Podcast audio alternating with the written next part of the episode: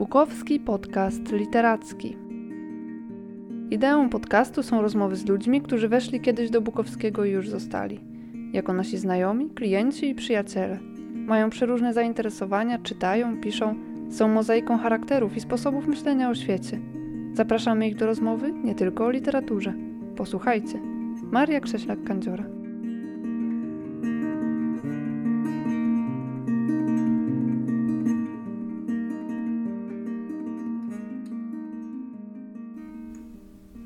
Ptaki i ludzie Archila Kikodze to książka, od której dzisiaj zaczniemy rozmowę.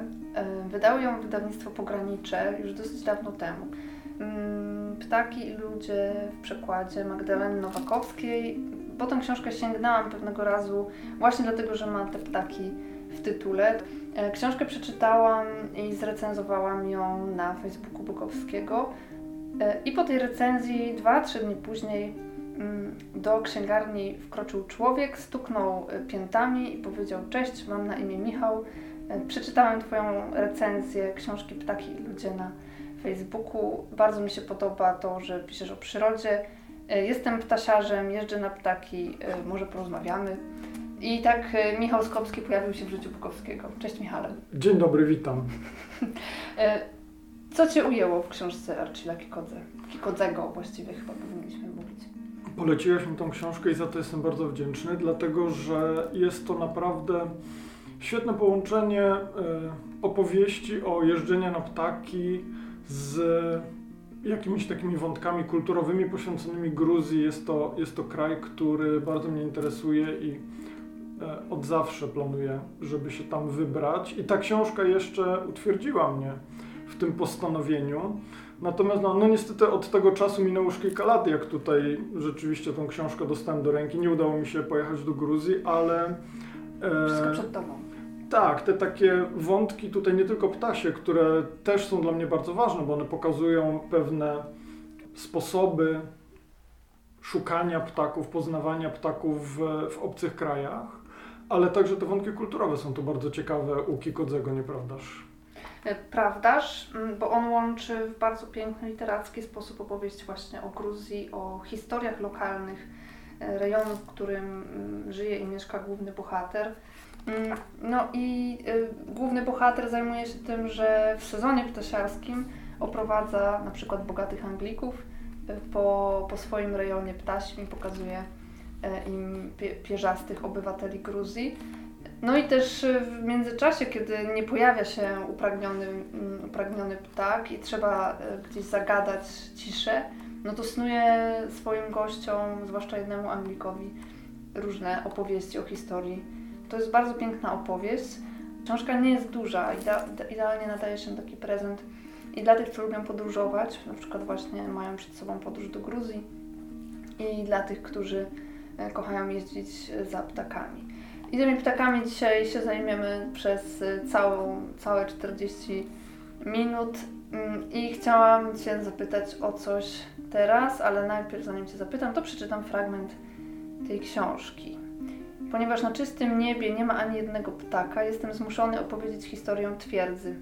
Anglik nie jest zwykłym klientem. Obserwatorzy skrzydlatych stworzeń to szczególny rodzaj ludzi.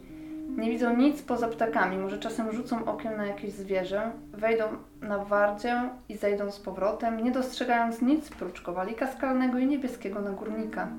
W Dawid Garydży nie zapytają ani o wiek, ani o pochodzenie pustynnych fresków, będą się gapić na skalne wróble i kołujące po niebie sępy płowy egipskie. Anglik jest inny i lepiej, żebym to ja coś powiedział, zanim on zacznie gadać. Więc jak to jest z tymi ptasiarzami? Ty już masz sporo kilometrów za sobą w podróży za ptakami. Jak to z nimi jest? Czy oni cokolwiek widzą poza ptakami, kiedy jeżdżą? Najczęściej nie. E, właśnie... Klapy na oczach. Klapy na oczach kompletne i e, mówiąc szczerze, e, ja akurat jestem człowiekiem, który jest zainteresowany nie tylko ptakami, ale także tym otoczeniem kulturowym i to jest dla mnie do pewnego stopnia trudne. E, nie da się łączyć w moim przekonaniu e, tych e, różnych celów wyjazdowych. Przynajmniej u mnie jest tak, że zazwyczaj jestem skoncentrowany albo na ptakach, albo na jakichś innych e, kwestiach, e, zabytkach, kulturze danego kraju. Objechałem kilka bardzo ciekawych krajów właśnie cel, w celu poszukiwania ptaków, gdzie nie zobaczyłem tam kompletnie nic, żadnych zabytków naj, najmniejszego. Mimo, że to były takie ciekawe kraje jak Maroko na przykład, gdzie są wspaniałe przecież zabytki, czy te stare centra miast są piękne. Mhm. Znaczy z, ze zdjęć to wiem. Mimo, że objechałem całe Maroko. E, no bo rzeczywiście czasami stajemy przed wyborem, czy jechać oglądać jakiś piękny ksar albo piękną Medinę, jeżeli 50 km dalej jest stanowisko puchacza pustynnego i wiemy, że jeżeli dziś, zatrzymamy się w ksarze, to nie zdążymy, no i w, jeżeli jesteśmy ukierunkowani na przyrodę, to wygrywa przyroda i wtedy niestety niczego ciekawego poza nią się w tym kraju nie ogląda. Ale przyroda też jest bardzo ciekawa, więc ja myślę, że to nie jest strata w gruncie rzeczy. W gruncie rzeczy wydaje mi się, że zupełnie nie jest to strata, bo przyroda koegzystuje z człowiekiem, to raz. Wydaje mi się, że zwiedzanie atrakcji przyrodniczych powinno być e, nie tym niestety, tylko chyba jest równoprawnym ze zwiedzaniem E, ze zwiedzaniem zabytków, bo przyroda to też przecież kawałek historii. To jak się e, zmieniała na konkretnych terenach, e, to też jest coś, co warto obejrzeć. Ja mam wrażenie, że to do tej pory może w pewnych kręgach nie było doceniane. Może jeżdżąc na wakacje wręcz za mało się przyrodzie przyglądaliśmy. A inna sprawa też jest taka, że ty uczestniczysz w takich wyprawach po prostu ptasiarskich, stricte. To tak. są tak zwane wyjazdy na ptaki, nawet niektóre biura podróży E, mają w ofercie swojej, swojej takie wyjazdy, więc to jest też zupełnie inna specyfika. Są biura podróży, które już tylko i wyłącznie tym się zajmują. E, są tacy turoperatorzy na miejscu, na przykład w Maroku bardzo wielu takich jest, którzy zajmują się tylko właśnie obsługą birdwatcherów. U nas to jest jeszcze relatywnie mało popularne, ale przede wszystkim w Wielkiej Brytanii, w Holandii e, liczebność birdwatcherów jest ogromna E, takie, takie odpowiednik naszego otopu tego ogólnopolskiego Towarzystwa Ochrony Ptaków e, w Wielkiej Brytanii liczy 2 miliony członków. A w e, Polsce kojarzy się A w Polsce to podejrzewam, że to będzie góra kilka tysięcy. Mhm. W związku z czym, w związku z czym no to, to pokazuje skalę. Poza tym Anglicy mają pieniądze, Holendrzy też jeżdżą po całym kraju, wynajmują tych.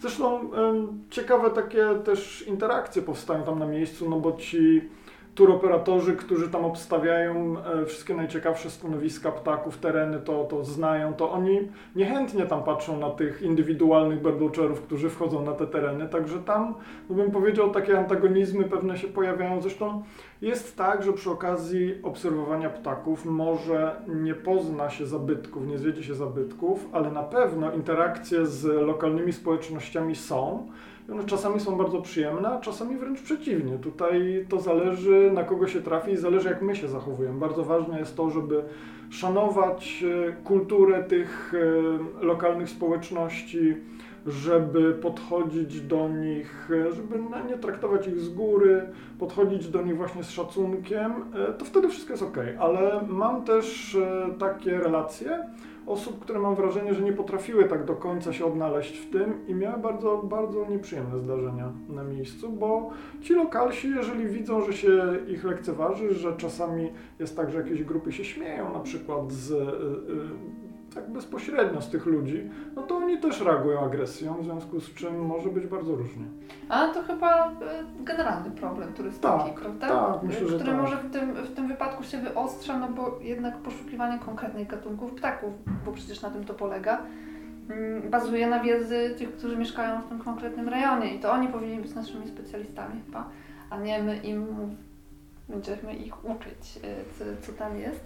Ale to też no, ciekawie pokazuje, że to właśnie tym mogą się zajmować lokalne społeczności, czyli pokazywaniem przyrody zawodowym. Oczywiście to wiąże się z różnymi ryzykami, czyli zalewem turystyki, zadeptywaniem kolejnych miejsc, ale z drugiej strony no jest tak, że być może zamiast wycinać las, ktoś będzie uprowadzał po tym lesie, co też ma, ma swoje jednak pozytywne, bardzo pozytywne wręcz strony. E, powiedz mi, e, jak czytałeś Archila Kikodzego, Um, na pewno jako już taki właśnie doświadczony y, ptasiarz, czy, no bo nie jesteś ornitologiem wszak. To jest pytanie, co rozumiemy, pod tym, co rozumiemy pod tym pojęciem, dlatego że od dawna, jak wiesz, toczy się spór na ten temat, e, jak nazywać tych ludzi, którzy nie, nie zajmują się ptakami zawodowo, ale są miłośnikami i niekiedy mają ogromną wiedzę. Mhm. E, gdzie zaczyna się profesjonalizm i czy ornitolog to jest tylko profesjonalista, czy amator zajmujący się ptakiem to też jest ornitolog? Tutaj e, zawodowcy e, postawili bardzo mocny opór, że słowo ornitolog jest, jest zastrzeżone, mhm. nawet właściwie w najwęższym rozumieniu dla naukowców zajmujących się ornitologiem. Tak, Bo są przecież, są przecież zawodowcy, mhm. zawodowcy, czyli żyjący z tego, którzy zajmują się na przykład waloryzacją przyrodniczą. No czyli na przykład liczą ptaki pod różne inwestycje, wiatraki, e, autostrady, e, liczą teraz, bardzo modne jest teraz e, liczenie ptaków na morzu pod inwestycje morskie. Też trzeba te ptaki przeliczyć, też trzeba zrobić tą waloryzację, no więc to są zawodowcy, ale nie naukowcy. Im też się odmawia miana ornitologa. No też to, y, mam wrażenie, że często tym się zajmują na przykład y, nasz znajomy leśnik, y, po technikum leśnym zajmuje się liczeniem, jak to się śmiejemy, gdzie jest Michał liczy dzięcioły mhm. I, I, często trudno go zastać w lesie, ale też osoby mm, po ochronie środowiska często się tym zajmują, więc no to jest wszystko takie pytanie, czy tylko kończąc ornitologię jesteśmy ornitologami. Więc tutaj te nazwy, które się pojawiły, no nie ma takich adekwatnych nazw, powoli się z nimi oswajamy. Bardzo popularny jest ptasiarz. Tak. Wcześniej było ptaszkarz. To bez sensu. No to jak... no. W języku polskim jest problem, żeby to ładnie ująć, bo birdwatcher z języka angielskiego to mówi nam od razu, czym się zajmuje dana osoba. Zresztą język angielski ma e, tą cudowną właściwość, e, której, której nie wszyscy lubią, nie wszyscy ją znają, ale ja akurat e, jestem zafascynowana tym, że u nich kos to po prostu blackbird, prosto z mostu, czarny ptak i tyle.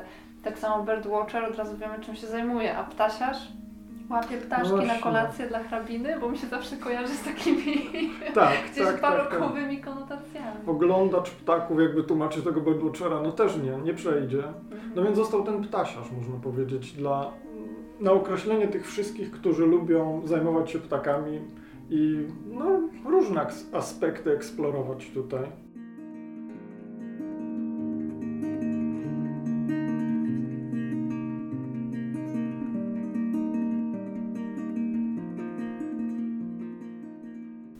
Podręcznikiem Birdwatchera jest książka, o której teraz sobie opowiemy. Mm, bestseller Bukowskiego w tym roku. Jeden z pewnie z wielu, ale, ale rzeczywiście e, długo na to pracowaliśmy. Bardzo się cieszymy, że Państwo e, tak się dali przekonać do tej książki. Mm, książka nosi tytuł Przewodnik Collinsa Ptaki, najpełniejszy przewodnik do rozpoznawania ptaków Europy i obszaru śródziemnomorskiego.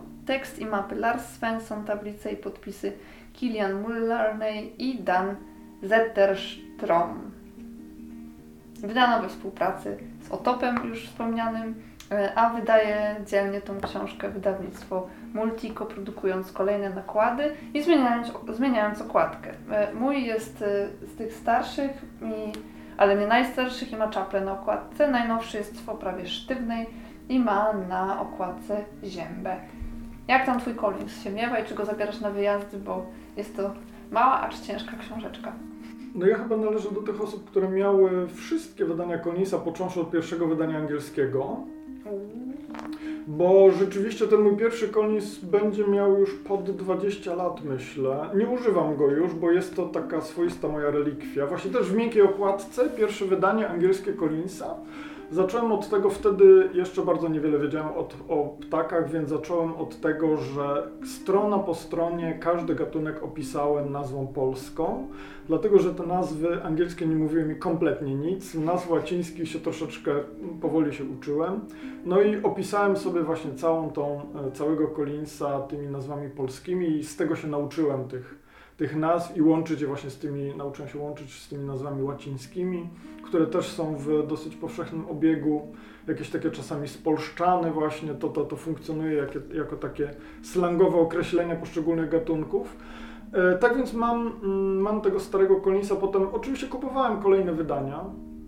E, nie wiem, czy wiesz, że późne relatywnie wejście e, Collinsa na polski rynek e, wiązało się z obawą, że ta książka się nie sprzeda, co wydaje się dzisiaj niewiarygodne, dlatego że chyba bardzo dużo ludzi, chyba to jest, chyba to jest sukces wydawniczy, ogromny mi się wydaje. Tak, tak. Natomiast e, wcześniej też chyba Multico mi się wydaje, miał kilka wydań takiego podręcznika Larsa Jonsona, który też miał piękne rysunki, tylko było ich dużo mniej.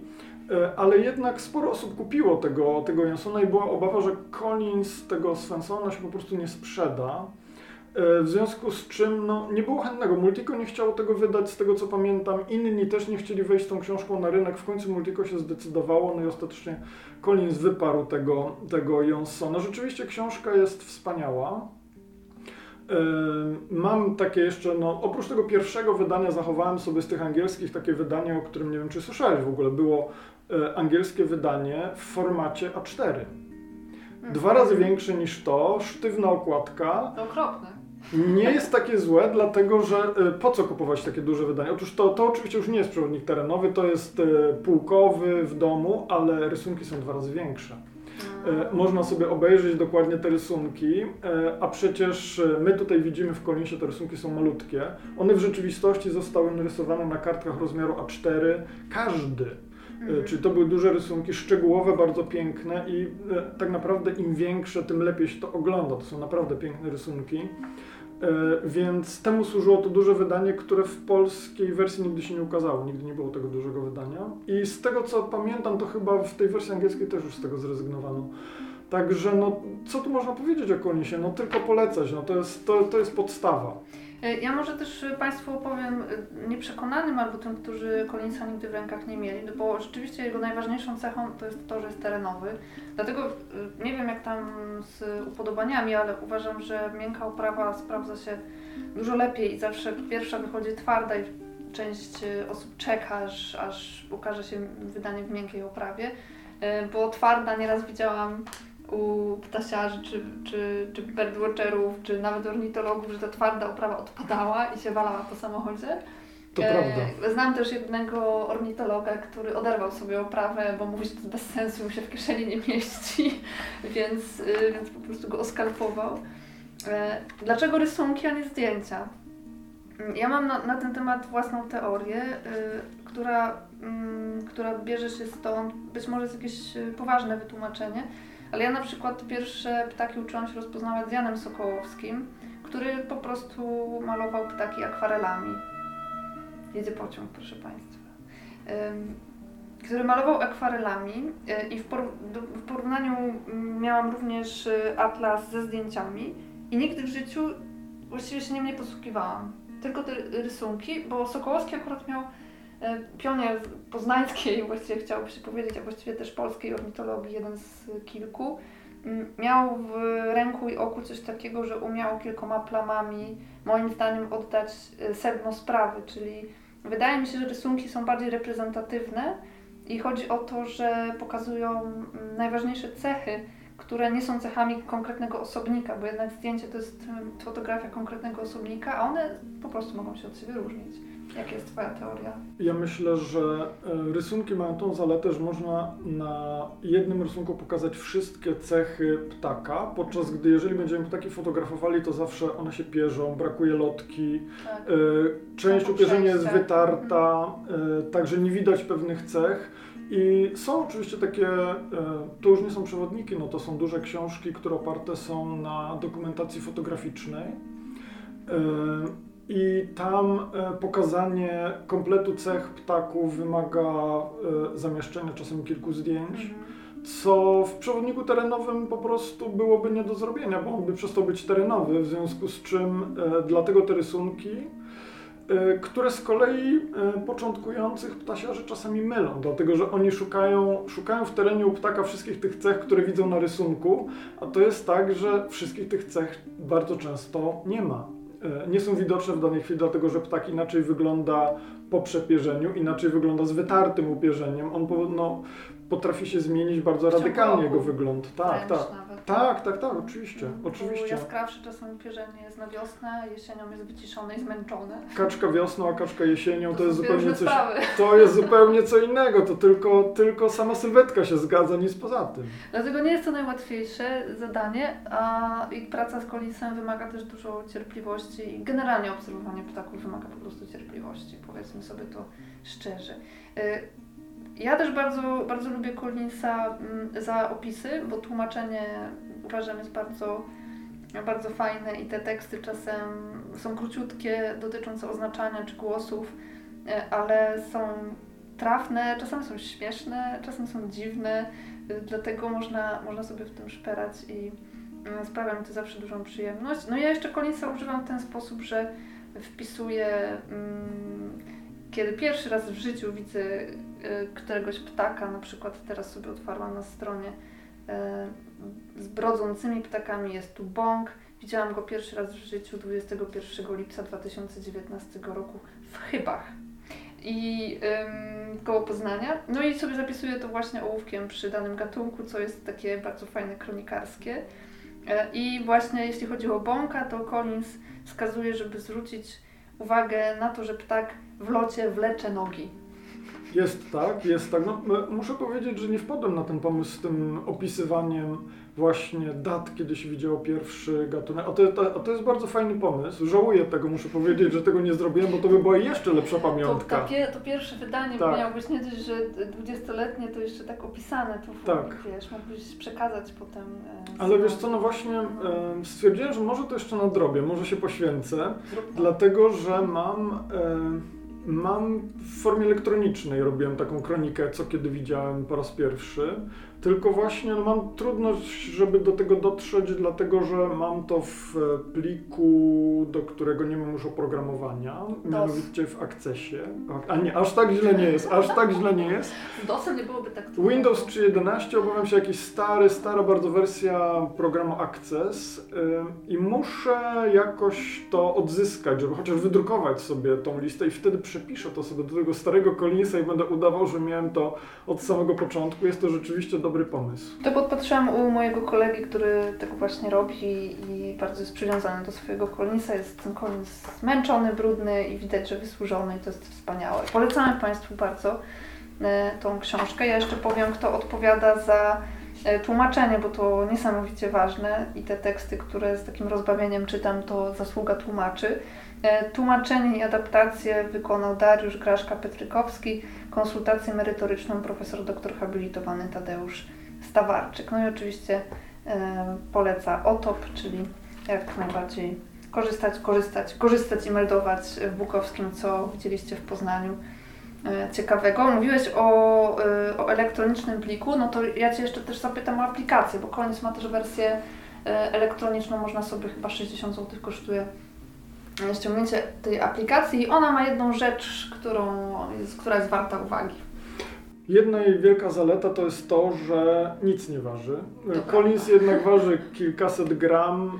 Warto go wziąć ze sobą, no ale jeżeli możemy sobie wgrać tą aplikację, to te same rysunki mamy w telefonie bądź w tablecie, co tam ze sobą nosimy. Większy, mniejszy ekran, można sobie rozsuwać wtedy i powiększać te rysunki, nawet fragmenty ptaków to są w dobrej rozdzielczości są tam zamieszczone, więc można sobie tam ptaki oglądać nie nosząc niczego dodatkowo, bo telefon i tak zawsze mamy ze sobą.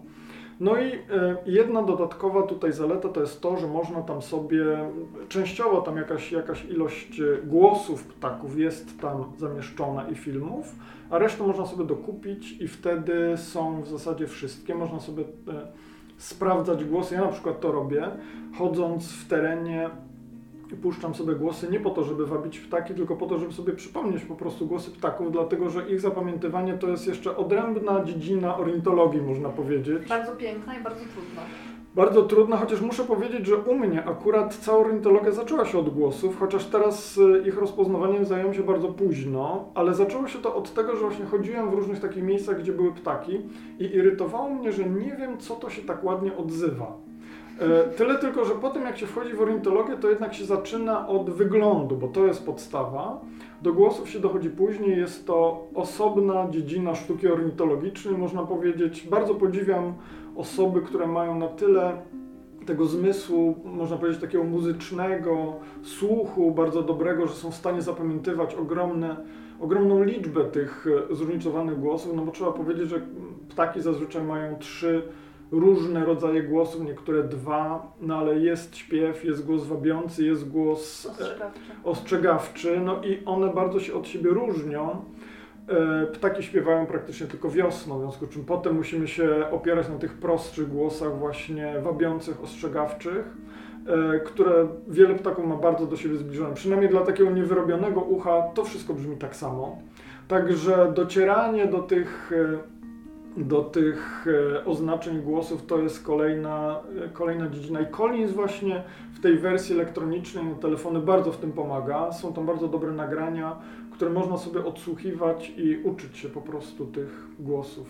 Co ciekawe, głosy, które, mm, jak to się mówi chyba ładnie, transkrybuje Collins na, mm-hmm. na język e, zbliżony do ludzkiego, e, to z tego, co kiedyś się dowiedziałam, mm, to jest oficjalna wersja zatwierdzona zawsze z, z góry przez, przez kogoś. To nie jest tak, że twórcy Collinsa sobie i tłumacze mm, wymyślają te dźwięki, tylko jest to opracowane po prostu, więc y, to jest cudowna metoda do zachęcenia dzieci do zainteresowania się ptakami, czyli otwarcie Collinsa i próba imitacji ptaków. Y, właśnie doskonale podobno robił to, jest nagrana płyta z tymi y, głosami, profesor Jan Sokołowski, o którym już wspominałam i do jego biografii była dołączona płytka z imitacjami które on wykonywał i potrafił to robić w niesamowity sposób. Na to, na podstawie też tych głosów układało się takie rymowanki, które pozwalały zapamiętać e, poszczególne głosy, chyba trzcinniczek czy trzciniak ma taką mhm. ryba, ryba, rak, rak. E, tak, tak, tak, to trzciniak będzie. To mi brzmi jak trzciniak. brzmi jak trzciniak. No właśnie, to jest, to jest kolejny, kolejna rzecz ptasia, taka mniej oczywista. Znam jedną osobę, która może z trzy no w sumie trzy pewnie, które idąc y, byle gdzie na spacerze, rozmawiając, rozmawiamy na przeróżne tematy i nagle mówi, a piecuszek. A ja tak, gdzie, gdzie, gdzie, co się dzieje? Y, y, jest to fascynujące, bardzo zazdroszczę tym osobom takiej kolosalnej wiedzy. No właśnie, także to jest kolejna dziedzina, która, mm, która jest do opanowania, jeśli chodzi o ptaki, a najlepiej położyć się w, w mieście, nawet w parku wiosną po prostu zacząć słuchać i doświadczyć tego, jak bardzo są różne i ile mogą opowiedzieć w taki przyjemny sposób.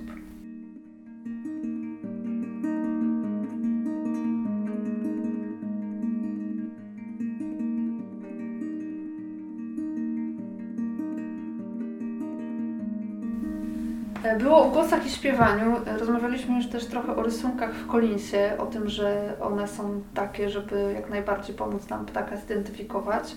Naturalną koleją rzeczy od rysowania pójdziemy do rysowania, czyli do mm, książki, którą też mamy przed sobą.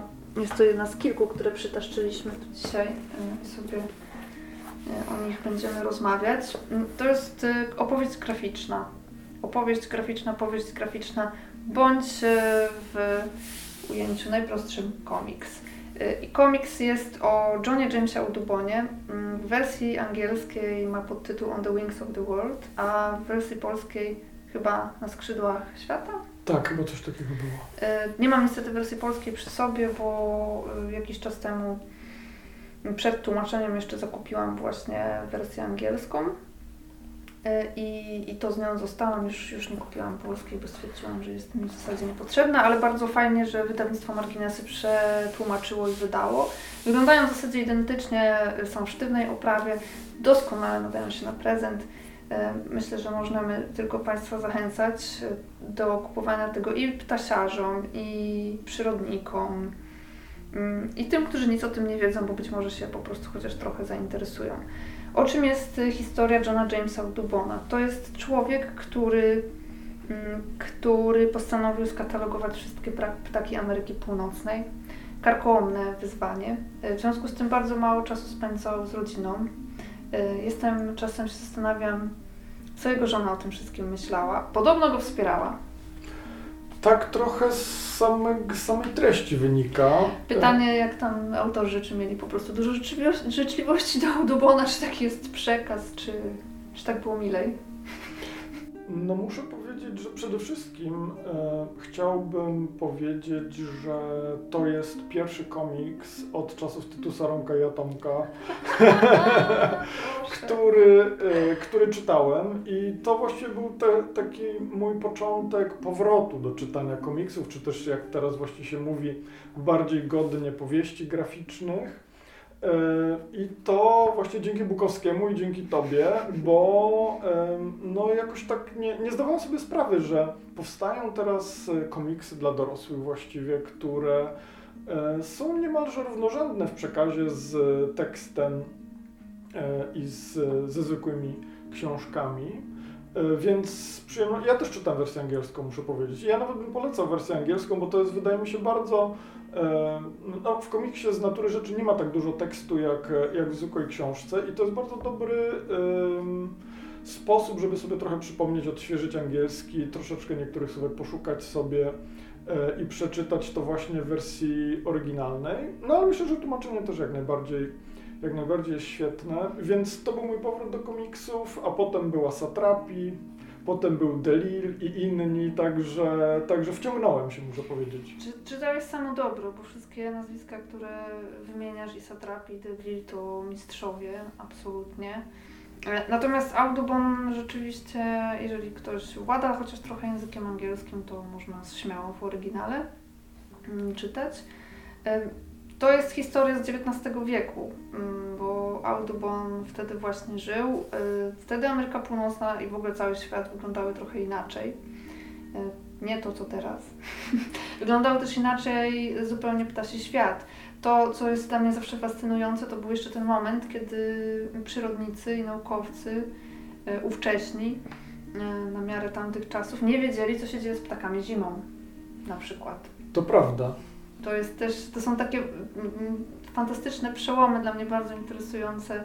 Na przykład odkrycie DNA, kiedy zmienił się zupełnie, metoda zmieniła się zupełnie badania przyrody e, między innymi i właśnie ten, ten moment, w którym ludzie się dowiadują, że ptaki no nie chowają się na przykład na dnie jeziora, e, żeby wyłonić się stamtąd na wiosnę, tylko robią coś zupełnie innego.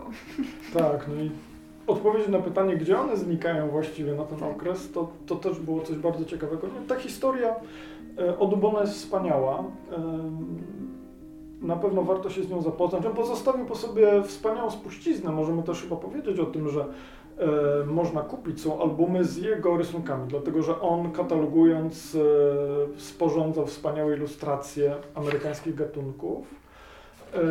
I robił to w specyficzny sposób, bo żeby je zilustrować, to powiedzmy od razu o kolejnej rzeczy, którą wtedy się robiło, a teraz e, już się tego nie robi, chyba że z innych powodów. Mm, mianowicie Audubon strzelał do ptaków i preparował je. I ta metoda po prostu była wtedy czymś naturalnym, no bo nie istniały też aparaty fotograficzne. Wow, nie było internetu. Nawet internetu nie było. To co wtedy było? Wtedy były ogromne stada ptasie, wtedy były ogromne stada ssaków na amerykańskich preriach.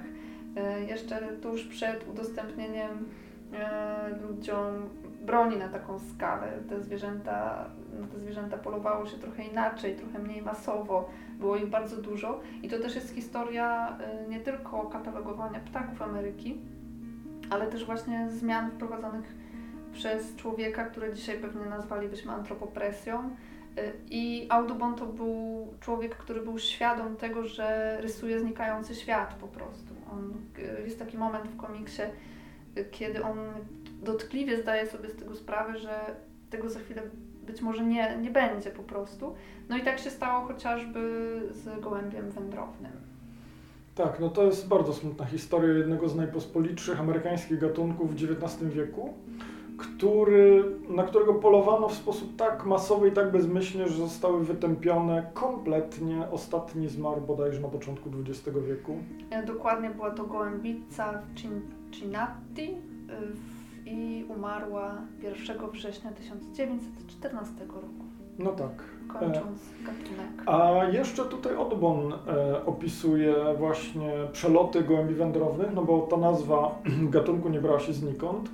E, przeloty, które gdy pojawiało się stado gołębi wędrownych, to przelot trwał kilka dni tego stada. To były miliony, miliony ptaków i jest aż nie do wiary, że udało się takie liczebności ptaków wytępić, no ale to jest też e, jakiś sygnał dla nas, że musimy uważać, bo może być z tymi naszymi gatunkami różnie, no i zresztą obserwujemy tą populację. A propos strzelania, no to muszę powiedzieć, że strzelanie do ptaków e, w celu ich udokumentowania, no dzisiaj już by było kompletnie nie do zaakceptowania.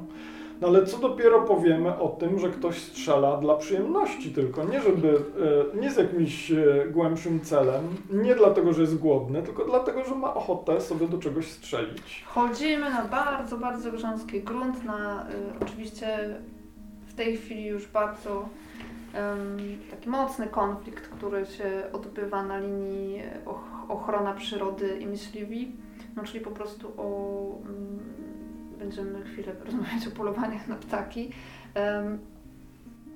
no bo właściwie większość ludzi z naszej bańki przyrodniczej uważa, że to jest kompletnie bez sensu, po prostu. No niestety, znaczy, myślistwo jest trudne do uzasadnienia, wydaje się, w, w jakimkolwiek aspekcie. Jeżeli próbujemy to wytłumaczyć poprzez, poprzez pozytywny wpływ na przyrodę, to jego nie ma, dlatego że myśliwi bardzo często mówią o tym, że oni przecież się opiekują przyrodą, dokarmiają zwierzęta i tak dalej, tylko że to wszystko jest e, e, niepożądaną ingerencją tak naprawdę w przyrodę. Dziki, ponieważ są dokarmiane, to mają po trzy mioty rocznie, chociaż powinny mieć jeden. No i to wszystko jest po to, żeby myśliwi mieli żywe cele potem w lesie. E, także tutaj um, trudno jest to uzasadnić, a już jeśli chodzi o ptaki, to mamy do czynienia no, z bardzo taką schizofreniczną sytuacją, kiedy z jednej strony wydajemy ogromne fundusze na ochronę rzadkich już dzisiaj gatunków, a z drugiej strony w niektórych krajach przynajmniej e, wolno na nie polować i poluje się na nie masowo. Taka jest sytuacja z kulikiem wielkim, który w Niemczech, w Polsce podlega ochronie i e, wydaje się ogromne fundusze na to, żeby e, utrzymywać środowiska odpowiednie dla kulika wielkiego, dlatego że zanikają te środowiska. Osuszamy łąki, nie ma odpowiednich miejsc dla lęgów, nie ma odpowiednich miejsc dla żerowania i wydajemy dużo pieniędzy, żeby utrzymać te środowiska. Mamy tutaj pewne sukcesy. E, utrzymujemy te kuliki wielkie, one gniazdują u nas dalej. Są przepiękne ptaki z takimi długimi, zakrzywionymi dziobami, tak, bardzo spektakularne. Takie trochę kiwi, one też są takie dosyć duże. Jak się widzi kulika wielkiego z daleka, on wydaje się z tym ogromnie, szczególnie samice mają takie bardzo długie dzioby wy, wyglądają pociesznie, ale zarazem to są dosyć duże ptaki, widać je z daleka i to rzeczywiście zaobserwowanie kulika to jest taka spektakularna przyjemność, można powiedzieć, na ptakach. E, no i teraz zdajmy sobie sprawę z tego, że my ogromnie się staramy o to, żeby utrzymać u nas te kuliki, a we Francji masowo się na nie poluje. E, oficjalne statystyki tylko mówią o kilku tysiącach odstrzelonych e, osobników rocznie, a wiadomo, że myśliwi zgłaszają tylko niewielką część tego, co rzeczywiście zastrzelą, czyli jeżeli oficjalnie strzelili 5 tysięcy, to może rzeczywiście strzelili ich 50 tysięcy w tej Francji. To jest miejsce zimowania, gdzie nasi e, e, naukowcy i miłośnicy, którzy zajmują się ochroną kulika wielkiego, z bólem obserwują, kiedy te zaobrączkowane w mhm. aktualnym roku młode raptem wracają zwrotki odczyte, ale niestety od myśliwych, którzy je zastrzelili. W związku z czym no, to jest naprawdę przykre. No to jest przykre, z tego co ostatnio mi y, opowiadał obrączkarz Maciej Gierszewski, trochę się tam ruszyło w sprawie Kulika Wielkiego właśnie dzięki temu, że, y, że, że, że te pary i te osobniki, które są mm, w Polsce obrączkowane są bardzo dokładnie, starają się przynajmniej naukowcy bardzo dokładnie monitorować ich y, przeloty, migracje i to gdzie się pojawiają, gdzie gniazdują i tak I troszeczkę chyba tam się coś, coś w tej kwestii ruszyło, ale no to jest znany też problem, bardzo taki nośny, mm, że są takie miejsca, na przykład Malta, mm, w których właściwie no po prostu jeździ się na wakacje, żeby polować na przykład. Malta jest straszna. Malta jest straszna pod tym względem, to jest jakaś ich taka lokalna tradycja, tak. której nie można przezwyciężyć. Malta jest małą wysepką na środku Morza Śródziemnego, na której zatrzymuje się no, ogromna liczba ptaków, które po prostu tam sobie odpoczywają lecąc przez to Morze Śródziemne. Bo część ptaków leci przez e, te cieśniny śródziemnomorskie i na wschodzie i na zachodzie, czyli z jednej strony mamy Bosfor, z drugiej strony mamy cieśninę gibraltarską, ale wiele i to małych ptaków podróżuje właśnie przez, centralnie przez środek Morza Śródziemnego i one potrzebują sobie odpocząć. Przysiadają na Malcie, gdzie czeka na nie tysiąc albo więcej lów, i strzela się tam absolutnie do wszystkiego, nie ma zmiłuj, wszystko co jest w powietrzu jest zagrożone, w związku z czym to jest naprawdę ogromny problem.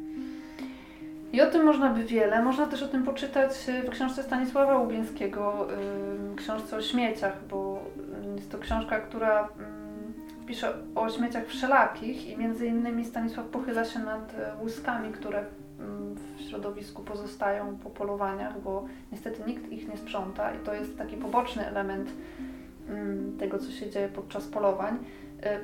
Jakiś dosyć niedawny czas temu Unia Europejska bodajże zakazała na używania nabojów z ołowiem wreszcie.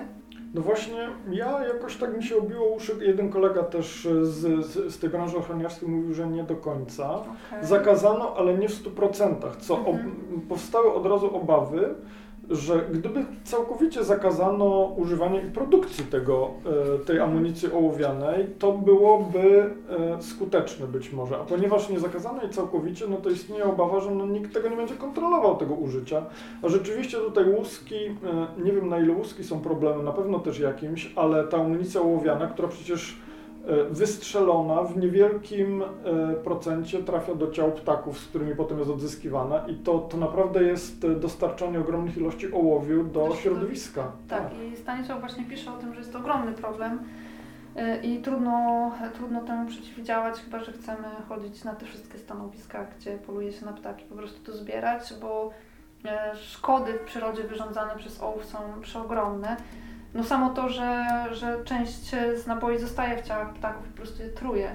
Kolejna rzecz to ptaki drapieżne, które polują na powiedzmy na przykład na kaczki, które z tym ołowiem żyją przez jakiś czas i ten łańcuch zatruć i szkód jest, jest trudny do prześledzenia tak naprawdę i trudny efekt tych, tych działań, działań i ołów w przyrodzie jest do, do, do zbadania, więc no cóż, no trudno nam chyba jakoś się zgodzić na to, że, że jest tym cokolwiek fajnego po prostu. No nie ma. Niedawno zresztą mogę taką ciekawostkę jeszcze powiedzieć. Niedawno kolega historyk mi uświadomił, że w utopii Tomasa Morusa, Tomasa Mora świętego, z rok 1520 bodajże, utopia, w której on buduje taki obraz społeczeństwa idealnego w swoim mniemaniu początek XVI wieku. I mhm. co jest dla nas ciekawe? On tam oczywiście o różnych aspektach organizacji społeczeństwa pisze, ale dla nas ciekawe jest to, że on tam napisał, że porządny utopianin nie zajmuje się absolutnie polowaniem.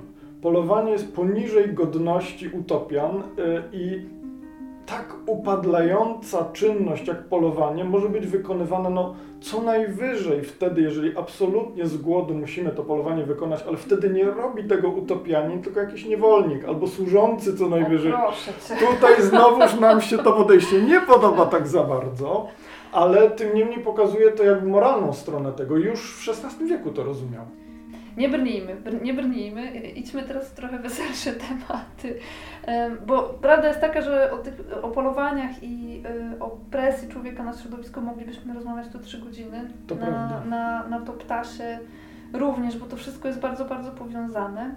Chciałabym jeszcze na trzy sekundy wrócić do Audubona y, i powiedzieć Państwu jeszcze mm, o czymś, y, co, co jest dla mnie też zupełnie fascynujące, czyli jak próbował opublikować swoje prace, bo to jest człowiek, który, tak jak powiedzieliśmy, najpierw strzelał, potem preparował ptaki i y, ukształtowywał z nich scenki i w swojej wyobraźni, ale też y, przyczepiając je do gałązek na przykład. Y, I rysował z natury, ale rysował, jak to mu powiedziano, nienaukowe rysunki. Te jego rysunki są bardzo ekspresyjne. Jak sobie Państwo kupicie album Audubona, co polecam na prezenty dla na przykład dyrektorów firm. E, bardzo, bardzo nam się to też zdarzało w Bukowskim. Mm, to, to są właśnie dosyć nietypowe rysunki i dlatego też e, w Ameryce Północnej nie znalazł przez bardzo, bardzo długi czas swoich odbiorców.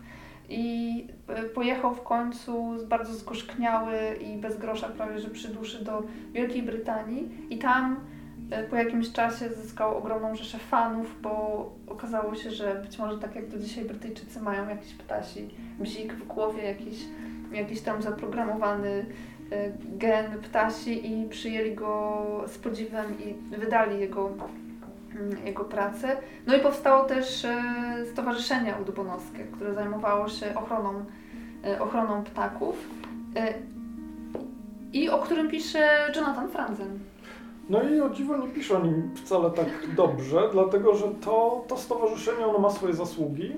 Francen tutaj w, w, swoich esejach narzeka, że obecnie zajmują się oni bardziej sprzedażą różnych gadżetów, tak, można Plus... gwizdki na przykład kupić, takie bawiące, tak. jakieś takie, e, no, na Amazonie można sobie popatrzeć. A to nawet nie wiem, czy to nie jest trochę niezgodne z ochroną przyrodną, bo te gwizdki do wabienia to takie znowuż bardziej z myśliwymi mi się kojarzy niestety, ale e, no pluszaki, pluszaki podobno sprzedają zamiast się zajmować e, ochroną przyrody. E, chociaż oni jakieś inicjatywy naukowe mają i, i, i tutaj wydaje mi się, że e, wydaje mi się, że oni ciągle są aktywni w, także i na tym polu, także może tutaj nasz znakomity pisarz trochę przesadzał.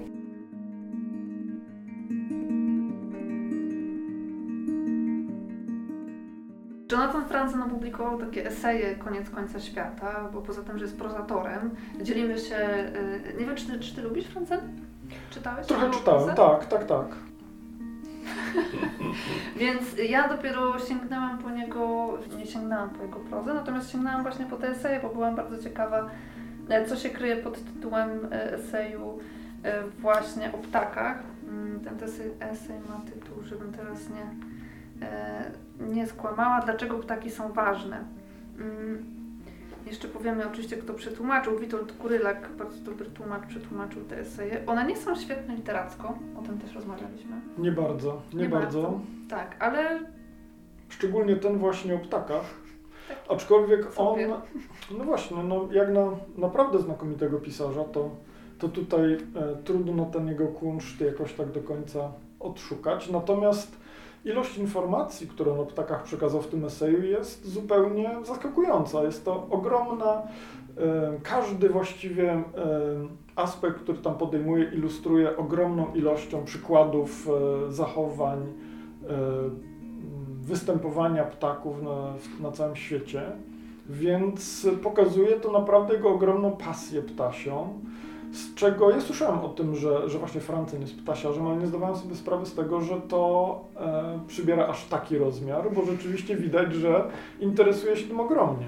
Interesuje się tym e, ogromnie i też zachęca właśnie do takich zachwytów przyrodą. To też, e, to też u niego bardzo widać. E, używa sformułowań antropocen i bardzo ubolewa nad tym, że zbyt mało chronimy nasz świat i zbyt mało się z nim identyfikujemy i czujemy, że y, człowiek jest jego elementem, a nie tylko wyższą istotą posiadającą rozum i sztukę planowania przyszłości oraz pamięć o przyszłości. Y, bo trochę, trochę tak to wygląda, że wszystko co poniżej człowieka jest gorsze i on trochę nad tym właśnie, trochę bardzo nad tym ubolewa.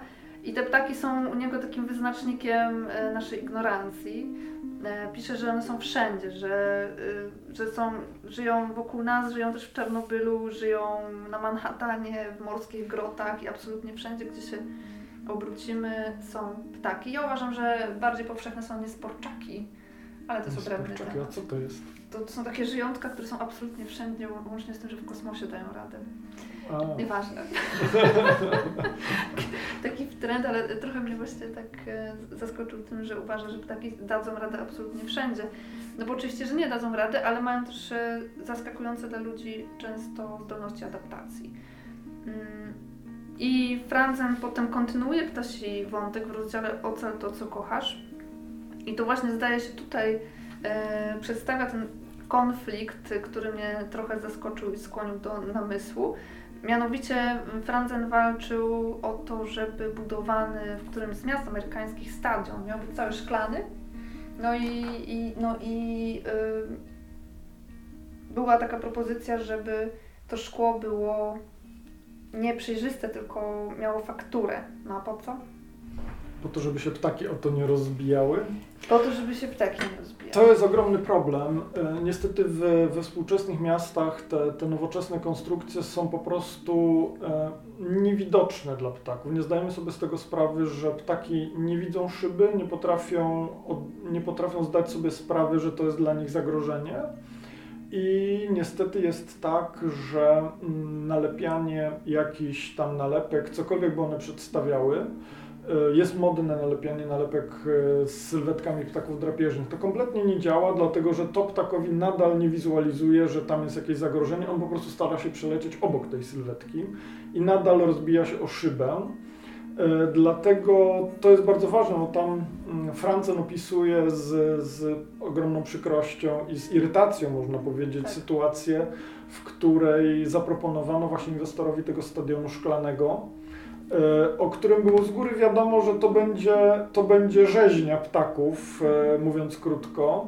Zaproponowano mu odpowiednie adaptacje tej, tej, tej, tego szklanego zewnętrza, że tak powiem żeby stało się to bezpiecznie i widoczne dla ptaków. Miało to, o ile pamiętam, tam z tego jego eseju pochłonąć to jedną dziesiątą procenta wartości całej inwestycji, ale oczywiście inwestor uznał to za absolutnie zbędny... Fanaberię. Zbędną fanaberię, nie do uzasadnienia wydatek, w związku z czym to się nie stało.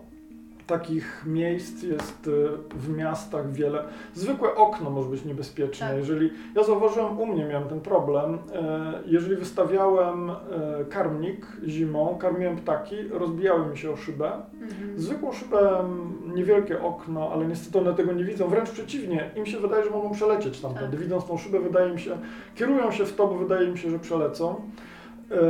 Także nie karmię ostatnio w ostatnich zimach, ponieważ one są na tyle łagodne, że uznałem, że nie będę tutaj ingerował w przyrodę e, i pozwolę tutaj e, ptakom poszukać sobie tego jedzenia samodzielnie i przestały się rozbijać. Rzeczywiście tworzenie tych sztucznych koncentracji ptaków, na przykład przy karmniku, nakłada na nas dodatkowe obowiązki, żeby zabezpieczyć okolicę. Także jest to, jest to duży problem z, z ptakami. Y, jest to problem i y, w Polsce, w Poznaniu i w różnych innych miastach, właściwie w całej Polsce, można się skontaktować z pewną fundacją, która nam wszystko wytłumaczy i wszystko objaśni pomoże. Jest to Fundacja Szklane Pułapki, której można szukać i na Facebooku, i przez wyszukiwarki. E, to jest grupa osób, które mm, zajmują się właśnie zabezpieczaniem e, powierzchni takich niebezpiecznych dla ptaków. Można od nich kupić odpowiednie... Ciapki. Ciapki, tak. To są takie kropeczki właściwie dlatego, że tak jak e, ptak nie skojarzy jakiejś sylwetki nalepionej e, z, z niebezpieczeństwem, tak naklejenie takich drobnych kropeczek, które mnie się nawet wydaje, że w wielu miejscach one są dosyć estetyczne, że to... Tak, to, to bardzo fajnie wyglądają. Ja też uważam, że one są, one są całkiem ładne i te kropeczki, które są dosyć gęsto umieszczone, one nie e, zaburzają jakby przepływu światła przez szybę, natomiast ptak już widzi, że tamtędy nie przeleci to już jest dla niego bezpieczne. To wiaty yy, przystankowe trzeba tak zabezpieczać, okna, szczególnie duże powierzchnie biurowców koniecznie powinny być tak zabezpieczone, dlatego że to jest niestety, to są no to są po prostu rzeźnie, tak jak powiedzieliśmy dla ptaków. Tak, bo to liczba ptaków zabitych, umierających w ten sposób to są miliony osobników, to nie są tysiące nawet. Nie zdajemy sobie sprawy, myślę do końca, y, jaka to jest skala i jak bardzo budując, y, budując wysokościowce i duże budynki ze szkła, no po prostu właśnie budujemy taką szklane pułapki, które y, dziesiątkują często podczas przelotów ptaki. E, coś chciałam dodać, a, bo y, z tego co właśnie czytałam też na stronie Szklanych Pułapek, to głównie chodzi o to, dlaczego te sylwetki ptaków nie działają, bo ptaki w ogóle nie rozpoznają w tych sylwetkach drapieżników to raz, a kropeczki naklejone gęsto, dosyć, znaczy gęsto, one są tak naklejone, że ta szyba zaczyna stanowić obiekt dla ptaka y, i on nie będzie próbował przelecieć między tymi kropkami, bo po prostu widzi, że to jest coś, jednolita powierzchnia, przez którą nie jest w stanie się przebić i cały, cały myk polega na tym, żeby to, co jest naklejane na szyby, było w odpowiednich odległościach. Zupełnie nie chodzi o kształt, tylko o zachowanie e, bardzo specyficznej odległości. No i gdybyśmy nalepiali te czarne ptaki, które widzimy przy autostradach, a które są totalnym błędem, w odpowiedniej odległości od siebie, to one też by działały, tylko że one ograniczają światło. No wtedy już by zasłoniły nam tak. światło. Tak. A jeżeli mamy na szybach kropeczki, to, to jak najbardziej to wygląda całkiem designersko moim zdaniem.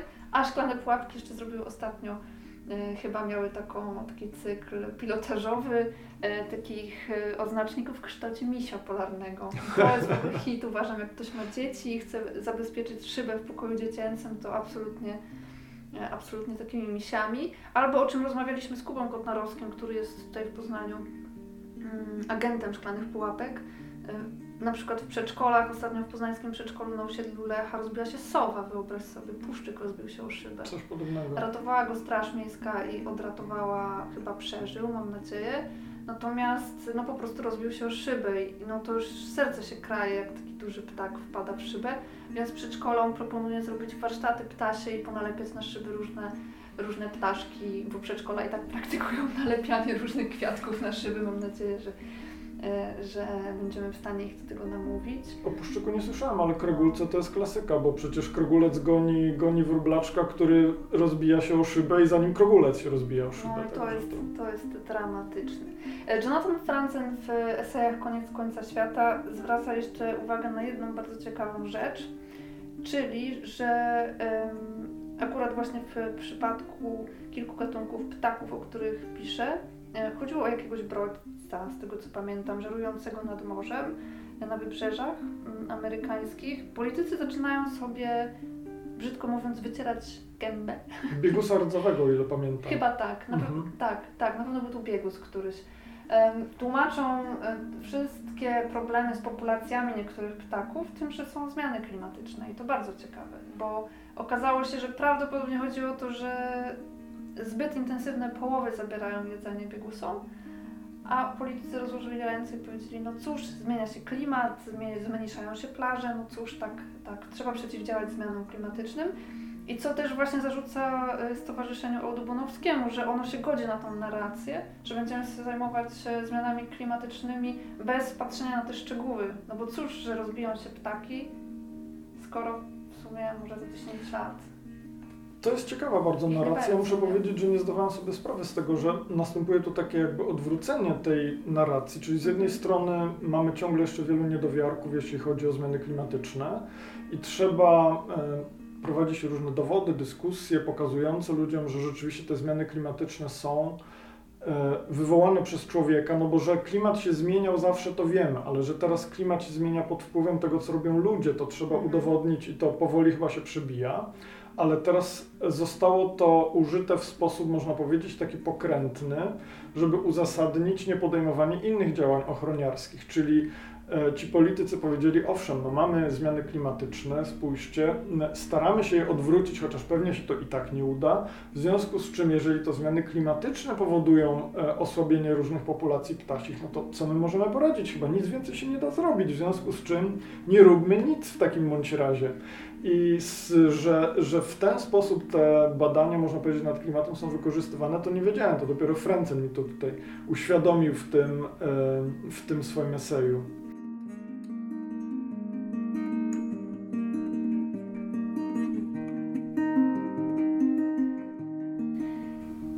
Michale, czy o czymś jeszcze chcielibyśmy powiedzieć? No, poruszyliśmy tutaj te podstawowe tematy, chyba nam się Słuchaj, udało. No, y, mam wrażenie, że strasznie dużo gadałem, mam nadzieję, że nikt nie zasnął. A nawet jak ktoś zasnął, to dobry snów. Niech się, niech się przyśnią, przyśnią ptaki. Y, ja jeszcze przygotowałam na sam koniec taki y, przegląd literatury około ptasiarskiej, ornitologicznej. Mm, na pewno Chrapiący ptak tak, Bert Heinrich, przede wszystkim Chrapiący Ptak, bo tam w tej serii wydawnictwa Czarne, takie przyrodnicze, kilka jego książek się ukazało, ale w pierwszej kolejności myślę, że należy wspomnieć o Chrapiącym Ptaku, który jest wspaniałą książką pod wieloma względami. Epopeją przyrodniczo-historyczną. Rodzinną. Rodzinną. Tak, tak, tak, To jest bardzo ciekawa książka, którą można polecić każdemu i przede wszystkim chyba trzeba podkreślić, że nie tylko ptasiarzom. Zdecydowanie. To jest książka dla każdego, niesłychanie wciągająca i Oboje mamy takie doświadczenia o naszych znajomych, którzy kompletnie nie mają związków z przyrodą czy z ochroną przyrody, ale ta książka ich niesłychanie wciągnęła. Tak, bo to jest taka epopeja o rodzinie autora, mm, która zaczyna się chyba nawet w Polsce, w majątku Borówki. a potem są dwie wojny po kolei i ostatecznie emigracja do Stanów Zjednoczonych, jeszcze wcześniej przez Niemcy. Dzieje się tam mnóstwo różnych historycznie ciekawych rzeczy. Jest to obserwacja, jak, jak, jak sobie ludzie radzą w tych kryzysowych, krytycznych historycznie momentach, ale też przede wszystkim ojciec Bernda jest, był badaczem gąsieniczników, czyli takich błąkoskrzydłych, dziwacznych trochę owadów oraz zawodowo zajmował się mm, strzelaniem do ptaków i dostarczaniem spreparowanych okazów do różnych muzeów i w Europie, i w Ameryce. Do dziś w Niemczech, bodajże w Berlinie można te okazy obejrzeć. No i to też właśnie jest to, o czym mówiliśmy przy okazji Audubona, że wtedy się strzelało, dzisiaj już się strzela raczej zdjęcia niż żywe ptaki.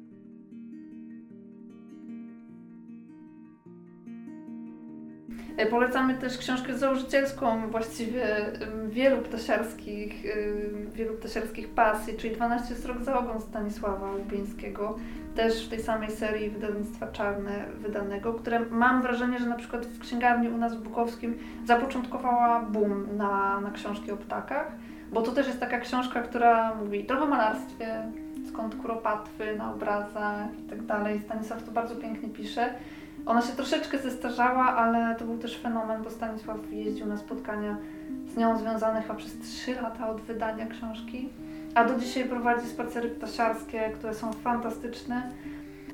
12 srok za ogon było nominowane do Nika, jeżeli kogoś to przekonuje. Tak, Także to jest... nie przekonamy, przekonamy w ten sposób. E, tak, tak. No i naprawdę wydaje mi się, że wiele osób przypomniało sobie, że za oknem coś tam szczebiocze i coś się domaga, na przykład jedzenia. Arkadiusza Szarańca mam też przed sobą. Arkadiusz Szaraniec zmarł niedawno, co jest bardzo smutną wiadomością, y, bo dosyć chyba nieoczekiwanie. Mm, Żubry lubią jeżyny. To jest taka książka, po którą sięgnęli wszyscy y, mm, wykorzystując boom na Puszczę Białowieską, mam wrażenie, powstał ten tytuł, bo książka zawiera teksty o, nie tylko o żubrach, ale właśnie o różnych zwierzętach E, które Arkadiusz Szaraniec poznał i postanowił o nich opowiedzieć. E, mnie najbardziej chyba zapadły w pamięci opowieści o obu bocianach polskich, czyli bocianie białym, bocianie czarnym. No ja mogę jeszcze wspomnieć o książkach, które się ukazały ostatnio, aczkolwiek no mhm. muszę powiedzieć, że znam autorów, ale samych książek jeszcze nie miałem, dlatego że one dosłownie za, za, zaczęto je rozsyłać ostatnio ukazała się książka Adama Zbyryta z fotografiami, e, z fotografiami Adama Wajraka mm -hmm. o ptakach Puszczy Białowieskiej. No, Białowieża na topie. I to się zapowiada bardzo ciekawie. E, słyszałem już bardzo dobre opinie o tej książce, więc to też, e, to też myślę, że może polecieć w ciemno. Adama Zbyryta i Adama Wajraka możemy polecać w ciemno. Nie wiem, jak jeżeli Zbyryt pisze, to ja chyba nie czytałam nic jego, ale jeżeli chodzi o osobę, to mam zaufanie. Mnie się wydaje, że to jest jego pierwsza książka nienaukowa. E, bo on publikował, publikował tak. teksty tak. naukowe, mi się wydaje, i to wydaje mi się, że to połączenie takiej wiedzy głębokiej, naukowej z próbą opowiedzenia tego w sposób e, lżejszy może być bardzo interesujące. No i ukazała się też książka, tylko teraz właśnie nie pamiętam tytułu, o, um, o Biebrzy. Łosie w Kaczeńcach? Tak, coś takiego. Coś takiego e, Damiana Łukasika chyba. E, Łukasik Magda Sarat i Łukasz Łukasik. Tak, więc to wydaje mi się, że to też może być bardzo ciekawe. Wydawnictwo poznańskie to jest dla fanów Biebrzy jest y, bardzo, myślę, fajna książka. Y, ja mam mm, malutki do niej zarzut, trochę jest powtarzalna. Jakby była tak chudsza o jedną trzecią, to myślę, że byłoby całkiem ok. Natomiast zdecydowanie jest to też książka dla ludzi fotografujących, bo i Magda i Łukasz są fotografami przyrody i sporo mają ciekawych rzeczy do powiedzenia, jeśli chodzi o etyczne fotografowanie przyrody. Łukasz Łukasika, nie Damian. Tak, tak Łukasz, Łukasz Łukasik, Łukasz. właśnie tak. I, e, I o to, jak, jak podglądać ptaki, zwierzęta, żeby im nie przeszkadzać, jak to zrobić, żeby nie zostać stratowanym przez jelenia na rykowisku, E, i co robić, kiedy e, to startowanie już jest blisko. No i jak fotografować albo jak nie fotografować ptaków na gniazdach, bo to jest absolutnie zabronione. E, I jak budować doskonałe kryjówki do fotografowania, bo to bardzo, bardzo ciekawe. Łukasz właśnie ma sporo mm, już od dzieciństwa taką miał pasję architektoniczną do budowania takich kryjówek, żeby sfotografować ptaki. Także to myślę, że zwłaszcza do, dla pasjonatów fotografii jest książka. Rozumiem. Bardzo proszę. A ja jeszcze mam przed sobą książkę Jej Wysokość Gęś o powieści o ptakach. To Jacek Karczewski, który tą książką też poszalał i, i sporo osób po nią sięgnęło. Ona jest całkiem spoko literacko i, i też jeśli chodzi o informacje, to jest dosyć, dosyć dużo różnych ciekawych rzeczy i to z całego świata, nie tylko z Polski, bo i tam z Islandii. Nie tak, na pewno warto po tą książkę sięgnąć jeszcze po tą drugą osobach. Tak, Noców, potem się okaza, ukazała Nosowy, to jest w ogóle temat też na trzy godziny, na trzy godziny rozmów i... Przynajmniej. Przynajmniej, a najlepiej w ogóle jeszcze pojechać w teren.